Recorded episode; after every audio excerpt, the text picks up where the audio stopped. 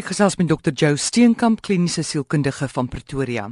Joe, in die boek Shantaram sê die hoofkarakter, die man, hy sê no one could really hurt me. No one and nothing could make me very happy. I was tough, which is probably the saddest thing you can say about a man. Hoekom is dit so hartseer vir 'n man om so iets te sê?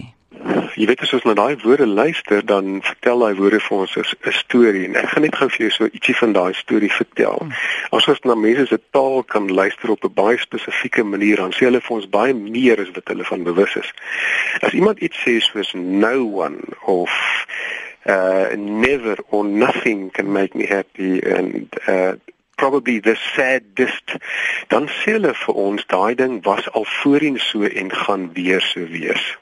Altyd en nooit en weer en weer. En wat daai stellings vir ons sê ons praat van 'n translator. Dit tel vir ons iets. Dit is 'n storie wat vertel word 'n intertranslator. Dit word op 'n projeksie vlak vertel van die buitewêreld se effek op my En daai tipe stelling is herhalingsstelling wat kom van kleintyd af wanneer persoonlikheid gevorm is. En dit is baie interessante ding want daai tipe stelling beteken dit gaan weer en weer en weer en weer gebeur. En die Engels het 'n woordjie daarvoor in die sielkunde, hulle praat van 'n reenactment. Hmm. Nou reenactment beteken ek gaan op onbewuste vlak sorg dat ek weer hierdie spesifieke gevoel gaan ervaar want dit is iets wat ek binne myself moet heel. Wanneer ek die gevoel ervaar in 'n verhouding dan probeer ek wegkom daarvan, nee, dis nie lekker nie. Maar dan gaan ek dit weer herhaal. So wat hierdie stelling vir ons sê is hierdie spesifieke persoon het kleintyd op 'n baie geselektiewe manier groot geraak om 'n man te wees, om 'n sterk figuur te wees. Ons het op 'n ander geleentheid al gepraat van cowboys dan kraai. Nou dis die tipiese ding hierdie. Maar in die proses is die persoon uit kontak geplaas met ander dele, met sagte dele, met opgewonde, entoesiastiese, spontane dele. Ons hou van die woord spontaan. En wanneer ons kyk die karakter sê op 'n stadium dat the saddest thing that you can say about a man. Nou sadness of hartseer kan vertaal word dat iets kon anders gewees het, maar dit is nie. En dit is die verlies aan hoe dit kon gewees het. En hierdie karakter sê vir ons wat sy verlies is, is om met gemaklik te wees ook met sagtheid en spontaniteit en opgewondenheid en al daai goed en nie net hierdie tough man nie. So sy verlies is 'n deel van sy persoonlikheid wat onderdruk is en daar's 'n klomp energie ingedruk in hierdie tough ene hierdie sterk ene. En ongelukkig is ons natuurlike disposisie om onsself volledig te ervaar. So meer uit kontak ons is met dele van onsself lanktermyn, hoe meer gaan ons voel iets is missing, nee, iets is weg. Ek pas nie, ek ervaar iets wat nie werk nie.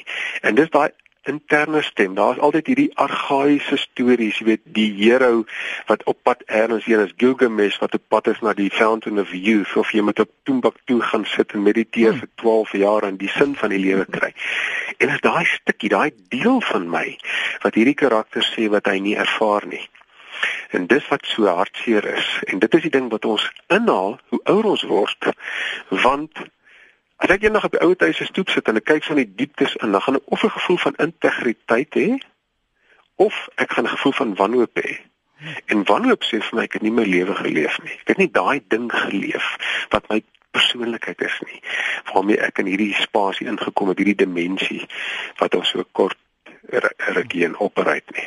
Soos jy ouer word, raak daai gemis al hoe groter, né? Daai asof 'n rolte hier binne al hoe groter raak.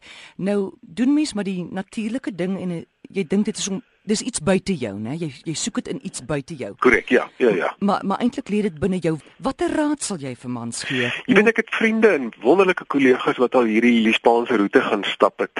Caminos. En dan vra ek vir al die wat jy daar gekry, dan sê hulle vir my, weet jy, hulle het daar 'n moment gekry wat vir hulle wonderlik was. Van hulle sê eers dit is baie moeilik en van die ander sê ek gaan weer terug volgende jaar. En ek so ek dink verskillende kontekste wat ons ingaan kan wel ons toelaat om in daai spasie te kom waar ons 'n koneksie maak. As jy dan op Timbuktu se berg moet gaan sit en dit ervaar is dit fyn. Maar primêr is om eers te gaan erken, jy weet ek leef nie my lewe nie. En ek vra dit baie vir mans, leef jy jou lewe want hulle is baie keer in 'n beroep in net om sukses te kry en dan het hulle nie by daai ding uitgekom wat eintlik hulle ding is nie. En die manier ons agterkom dat ons nie die lewe leef nie, is maar kroniese ongemak, nee, kroniese ongemak wat ons nou net gesê het van daai gevoel. Maar daar is goeie spasies. Jy weet daar's naweek goeters waar mense kan gaan, jy weet wat hulle kan gaan sit en mediteer onder 'n ou kameeldoringboom of so.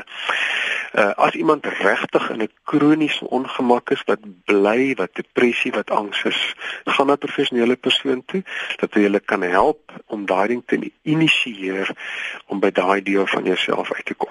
Wat my gehelp het daar is om te uit te vind wat is my passies in die lewe.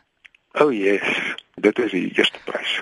So gesels Dr. Joe Steenkamp, hy's 'n kliniese sielkundige van Pretoria en jy kan hom kontak by ship.org.za.